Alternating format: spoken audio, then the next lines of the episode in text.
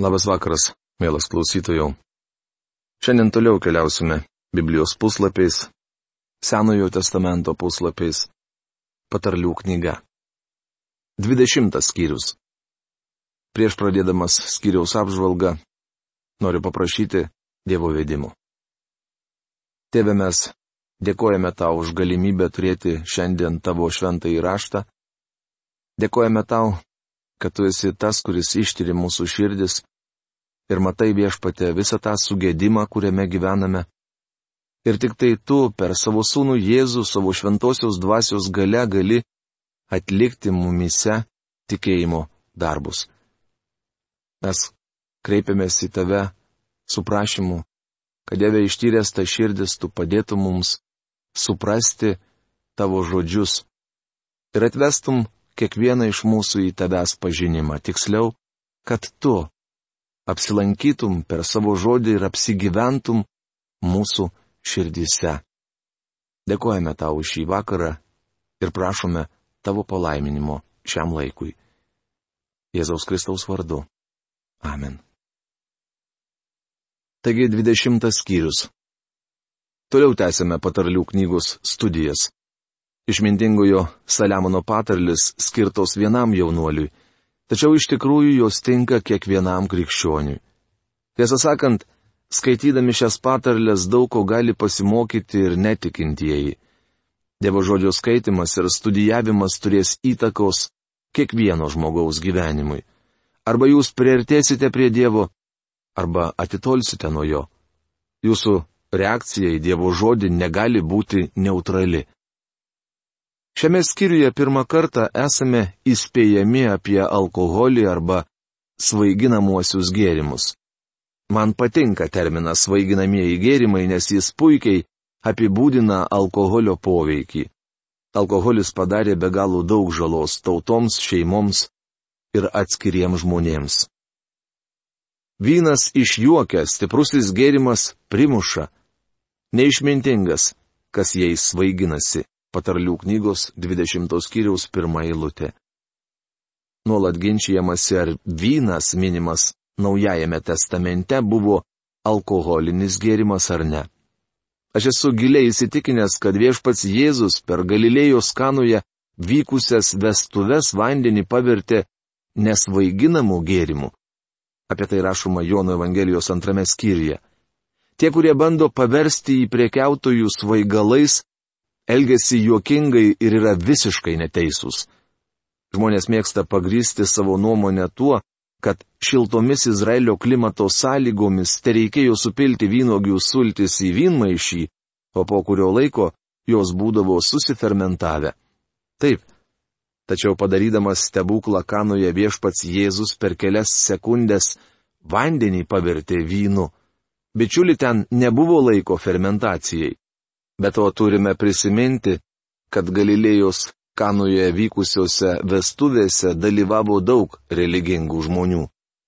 Jie griežtai laikėsi įstatymo, kuris draudė vartoti bet kokį fermentaciją sukeliantį raugą. Todėl nei minėtose vestuvėse, nei viešpaties vakarienės metu geriamas vynas negalėjo būti fermentuotas. Duona ir gėrimai turėjo būti be raugo. Dievo žodis smerkia svaigalus ir tai patvirtina ką tik skaityta šio patarlių knygos skyriaus pirmą eilutę. Vynas išjuokia, stiprusis gėrimas primuša. Neišmintingas, kas jai svaiginasi. Girtoklystė parklubdė nojų ir nuo to laiko nesiliauja griovus žmonių gyvenimu. Į alkoholio paspestus pastus šiandien pakliūva daug žmonių. Mūsų tauta tampa girtuoklių tauta nors alkoholio pramonė moka valstybei labai didelius mokesčius. Man jie nedaro įspūdžio. Gaila, kad užmirštama paminėti gydimo išlaidas, nekalbama apie pilnėjančias psichiatrinės ligoninės. O kiek žmonių visam gyvenimui suluošinama avarijose, kurias sukelia neblaivūs vairuotojai. Niekas nesako, kiek tai kainuoja.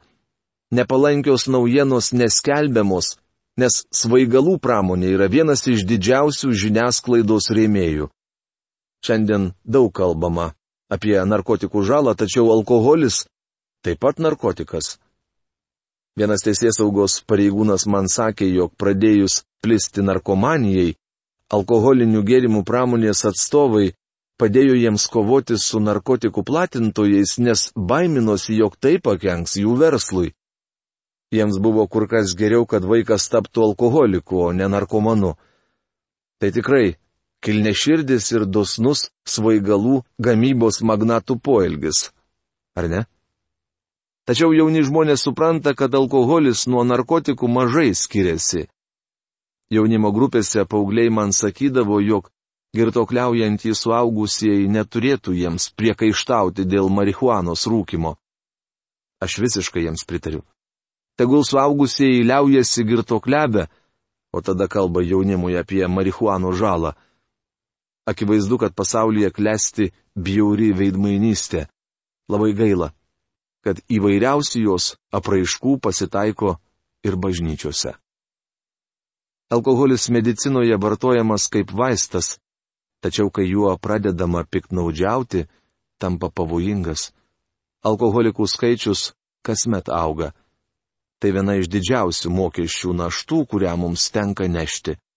Tačiau apie tai žiniasklaida neusimena. Tiesą sakant, pavojinga pakelti balsą prieš šią devingalvę pabaisą. Manau, kad šalį pražudys ne ginklavimasis, kuris daug kainuoja, o svaigalai. Garbinga žmogui vengti ginčių, o kiekvienas kvailys leidžiasi į kivirčius. Patarlių knygos 20 skyriaus 3 eilutė. Krikščionis turėtų išsiskirti tuo, kad nekursto ginčių ir nesutarimų. Kažkas yra pasakęs, jog mes turėtume stengtis atsilyginti tik tiems, kurie mums padėjo. Kitaip tariant, už gerą mokėti geru. Tačiau nebandykite atlyginti savo priešams. Neatsilyginkite piktų už piktą, bet paveskite save Dievui, nes jis yra pasakęs mano kerštas. Aš atmokėsiu, taip prašoma, romiečiams laiško 12 skyriaus 19 eilutėje. Dievas įspėja mus, kad nekeršytume. Imdami patys spręsti reikalą, mes iš tikrųjų išsukame iš tikėjimo kelio. Dievo vaikas turėtų prisiminti, ką Paulius sakė Filipų tikintiesiems. Jūsų meilumas te būna žinomas visiems. Viešpats yra ir tai rašoma filipiečiams laiško ketvirtos kiriaus penktoje eilutėje. Matthew Arnoldas žodį meilumas verčia švelnus nuosaikumas. Jūsų švelnus nuosaikumas te būna žinomas visiems. Tai sakoma ir patarlėje - garbinga žmogui vengti ginčių. Tai labai svarbu. Sėjos metu tinginys neria, pjūčiai atėjus jis ieško, bet nieko neranda. Patarlių knygos 20 skyrius 4 eilutė. Kosto burbulio Biblijos vertime šie eilutė skamba taip. Tinginys neria dėl šalčio, todėl derliaus metu elgetaus ir nieko neturės. Izraelyje klimatas švelnus, tad dirba pavasario sėjai ruošiama žiemą. Tinginys neina į laukus sakydamas, kad pernelyg šalta. Jis teisinasi, jog palauksės, kol kiek atšils.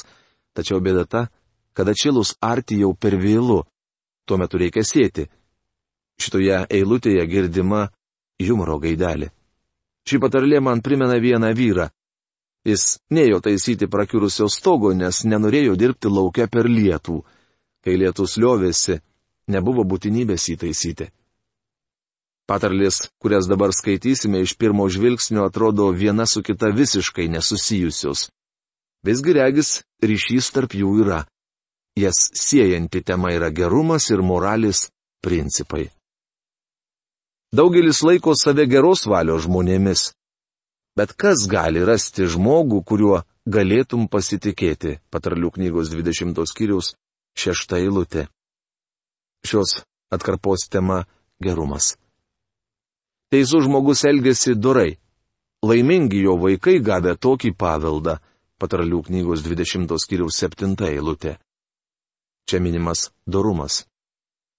Kai karalius atsisėda į teismo sostą, jis gali įsijoti visą piktą savo akimis - patarlių knygos 20 skyriaus 8 eilutė. Išsijoti visą piktą reiškia išvalyti savo karalystę. Kas gali sakyti, nuvaliau savo širdį, esu švarus, be nuodėmis. Patarlių knygos 20 skyriaus 9 eilutė. Svarbiausi šios eilutės žodžiai yra nuvalyti ir švarus. Dviejopais varščiais ir dviejopais saikais abiejais bjaurisi viešpats patarlių knygos 20 skyriaus 10 eilutė. Apgavystė supriešinama su gerumu. Savo veiksmais net jaunuolis parodo, ar jo elgesys sažiningas ir doras. Patarlių knygos 20 skyriaus 11 eilutė. Šioje patarlėje pabrėžiama, kad gerumas privalomas net vaikams. Ir girdinčią ausį ir matančią akį abi viešpats padarė. Patarlių knygos 20 skyriaus 12 eilutė. Dievo žodėje aiškiai sakoma, kad svetimų protų toli nenuvažiuosi. Jūs turite naudoti savo galvą. Dievas davė jums ausis ir akis. Žiūrėkite ir klausykite, tai praverčia ne tik tuo met, kai rengėtės važiuoti per geležinkelio pervažą, bet ir kasdieninėme gyvenime. Skaitydami šias patarlės turėtume atkreipti dėmesį į du svarbius principus. Visų pirma, kas gali sakyti, nuvaliau savo širdį esu švarus be nuodėmės. Mano draugė, ar galite tai pasakyti? Esu tikras, jog nei jūs, nei aš neįstengėme to padaryti.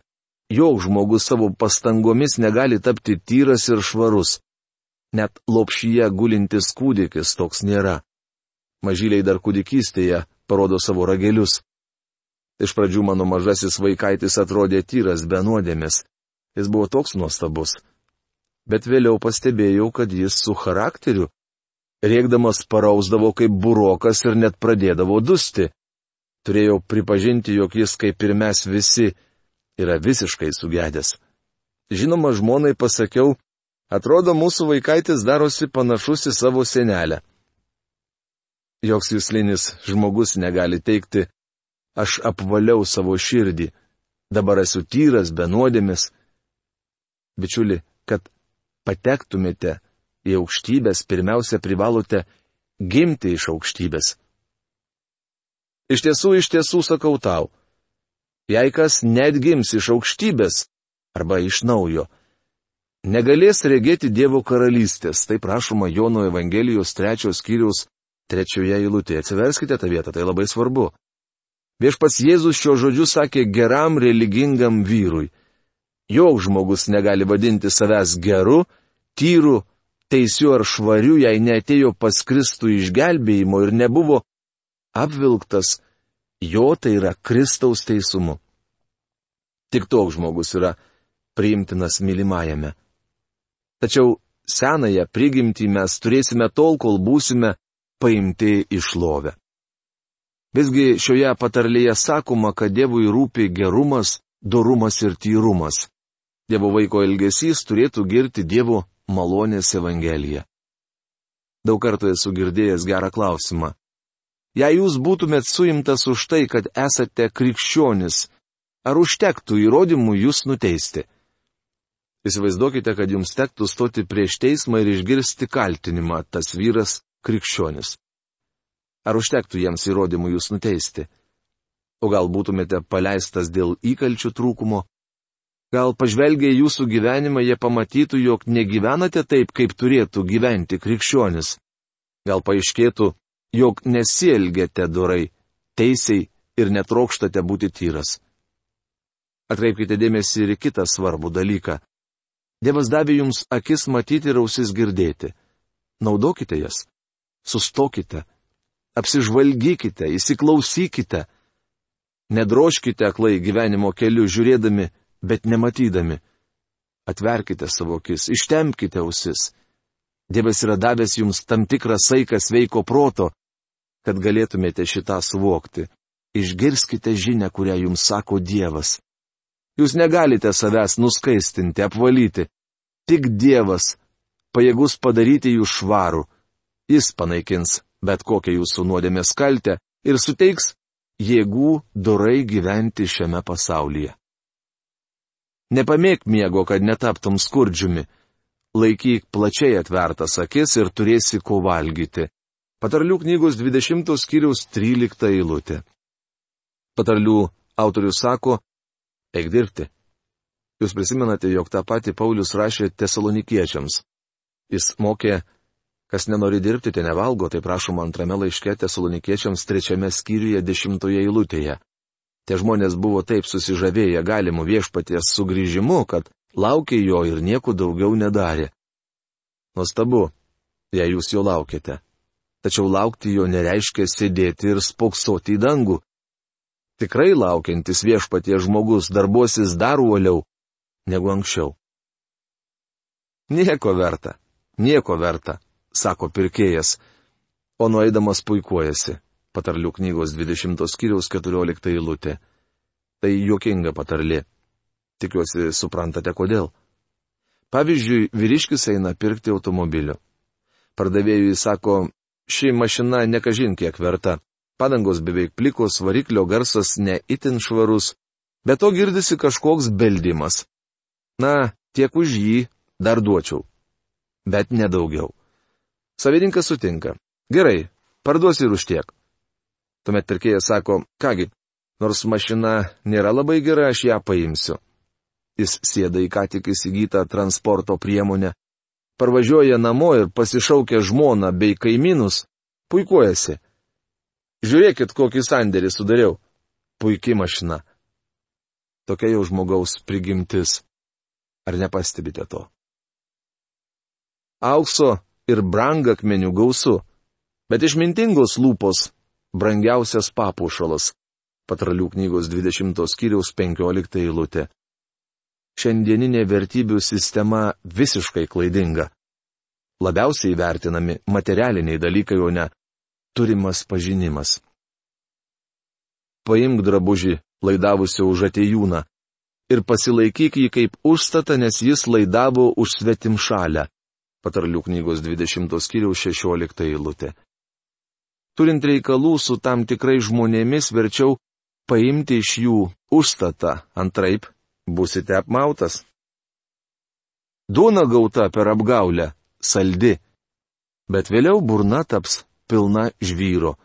Patarlių knygos 20 skyriaus 17 eilutė. Žmogui gali atrodyti, kad jo apgaulė pasisekė ir apgaulės būdų įgyta duona saldi. Tačiau ne vienas neliks nenubaustas. Dievas tuo pasirūpins. Kas nuolat išduoda paslaptis tas liežuvautojas. Todėl nebendrauk su tuščiu plepiu. Patarlių knygos 20 skyriaus 19 eilutė. Verčiau pasisaugokite žmogaus, kuris giria jūs į akis, o už akių apkalbinėja, net jei jis bažnyčios diakonas. Kas keikia savo tėvą ir motiną, to žibintas užges visiškoje tamsoje. Patarlių knygos 20 skyriaus 20 eilutė. Jei turite tėvą ir motiną, kuriais galite didžiuotis, didžiuokitės. Jei negalite pasakyti apie juos ko nors gero, kaip dažnai būna, nesakykite nieko. Štai apie ką kalbama šioje patarlėje. Būtent tokią klaidą padarė Hamas. Jo tėvas Nojus pasigėrė, o Hamas atidengė jo gėdą. Jam reikėjo tylėti. Apie kai kurios dalykus nedėra viešai kalbėti. Viešpats veda žmogaus žingsnius, tad kaip žmogus gali suvokti savo kelią? Patarlių knygos 20 skyriaus 24 eilutė. Kaip žmogus gali suvokti savo kelią? Mes niekada anksčiau šiuo keliu nejome, todėl mums kaip ir moziai reikalingas Dievo dvasios vedimas. Iklius įspastus tas, kas neapgalvotai sako pašventinta, Paskui ima gailėtis davęs tokį įžadą. Patarlių knygos 20 skyriaus 25 eilutė. Neduokite įžado, jei nežinote, ką galėsite padaryti. Nepašveskite viešai savo gyvenimo Dievui. Prieš tai gerai visko neapgalvoja. Dievui nereikalingi tokie sentimentalūs sprendimai. Bijau, kad šiandien tai daroma pernelyg lengvabūdiškai. Žmogaus gyvybės alsavimas viešpaties žibintas, apreiškintis visas jo būties gelmes. Patarlių knygos 20 skyriaus 27 eilutė. Žmogaus gyvybės alsavimas viešpaties kitaip Jahvės žibintas. Atkreipkite dėmesį, jog čia sakoma Jahvė žibintas, o ne Jahvės šviesa. Žmogaus gyvybė tik indas šviesai, kitaip tariant, tik žibintas. Mes netampame šviesa tol, kol nesame pripildyti šventąją dvasę. Prisiminkite palyginimą apie dešimt mergaičių. Penkios iš jų buvo protingos ir penkios paikos. Tos mergaitės te buvo žibintai, kuriuos reikėjo pripildyti Dievo dvasia. Žmogus yra žibintas, kuris be aliejaus nešviečia. Jaunuolių papuošalas jėga, o seneliai gerbiami dėl jų žilų galvų. Patarlių knygos 20 skyriaus 29 eilutė. Šioje patarlėje sakoma, elkis kaip dera tavo amžiuje. Jaunuolis turi būti sportiškas. Tačiau seneliui nedėrėtų mėgdžioti jaunimo. Taip jis tik apsikvailins. Senelis turi elgtis kaip dera jo amžiuje. Jis neturėtų stokoti išminties, nes būtent tai simbolizuoja žili plaukai. Mielas klausytojų, aš norėjau jums užduoti klausimą. Ar jūs esate tas indas, kuriame yra ta šviesa, tas amžinai degantis aliejus? Nei vienas iš mūsų negalime pasakyti, kai buvo rašoma patarlių knygos 20 skyriaus 9 eilutėje. Nuvaliau savo širdį, esu švarus, be nuodėmis. Nei vienas, nešventasis raštas rašo, kad nėra teisaus, nėra nei vieno. Nėra kas ieškotų Dievo.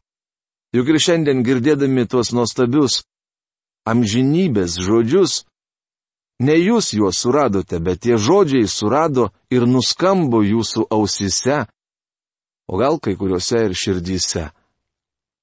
Ir mes esame išgelbėti ne todėl, kad mes dažnai sakome, kad aš pasistengsiu įvykdyti tai, ką Dievas liepia man. Aš vykdysiu dešimt Dievo įsakymų. Aš stengiuosi padaryti visą tai, kaip Dievas reikalauja. Bet, mėlyjeji, Dievas nereikalauja mūsų, kad mes įvykdytume dešimt Dievo įsakymų, įvykdytume jo įstatymą. Šitie įsakymai buvo duoti Izraeliui ir buvo duoti visai žmonijai, kad jie suvoktų ir suprastų, jog jie negali to padaryti. Įsakymai kaip veidrodis, kaip Dievo žodis, kuris kaltina žmogų, bet neapvalo jo. Todėl Dievas tėvas iš didelės meilės, kurią mus visus pamilo, nes jis sukūrė mus būti laimingais. Atsiuntė prieš du tūkstančius metų į šitą žemę savo sūnų, kuris tapo ir žmogus, ir Dievas. Jisai įvykdė amžinai atpirkimą. Ant jo buvo sukrautos visos nuodėmės ir jisai numirė su jomis ir buvo palaidotas buvo palaidotos ir visos mūsų nuodėmės. Bet trečią dieną prisikėlė ir šiandien yra gyvas, dangiškojo Dievo tėvo dešinėje, užtarė mus, meldžiasi už mus. Ir dėl to, ką Dievo sūnus padarė už mus ir dėl mūsų ir mumise. Dievas tėvas šventosios dvasios pagalba, o dvasiais apgyvendino kiekviename tikinčiajame traukia mus į tą artimą bendravimą, draugystę per jo žodį, kurį mes su jumis studijuojame. Aš nesu Dievas ir nematau jūsų širdžių, jūsų širdies troškimų ir minčių. Ir aš nežinau, ar Dievo žodis šiandieną gyvas jūsų širdise. Ar jūs vaikštote jame, judate taip, kaip jisai nori, pagal jo įsakymus. Bet kiekvienas iš jūsų tai galite padaryti, jeigu jūs priimsite tą žodį, tokį, koks jis yra, kaip Dievo žodį. Mano palinkėjimas jums, kad jūs tai padarytumėte.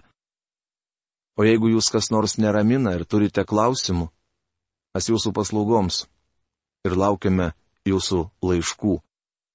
O šios dienos laidą baigiame. Iki malonaus sustikimo. Sudė.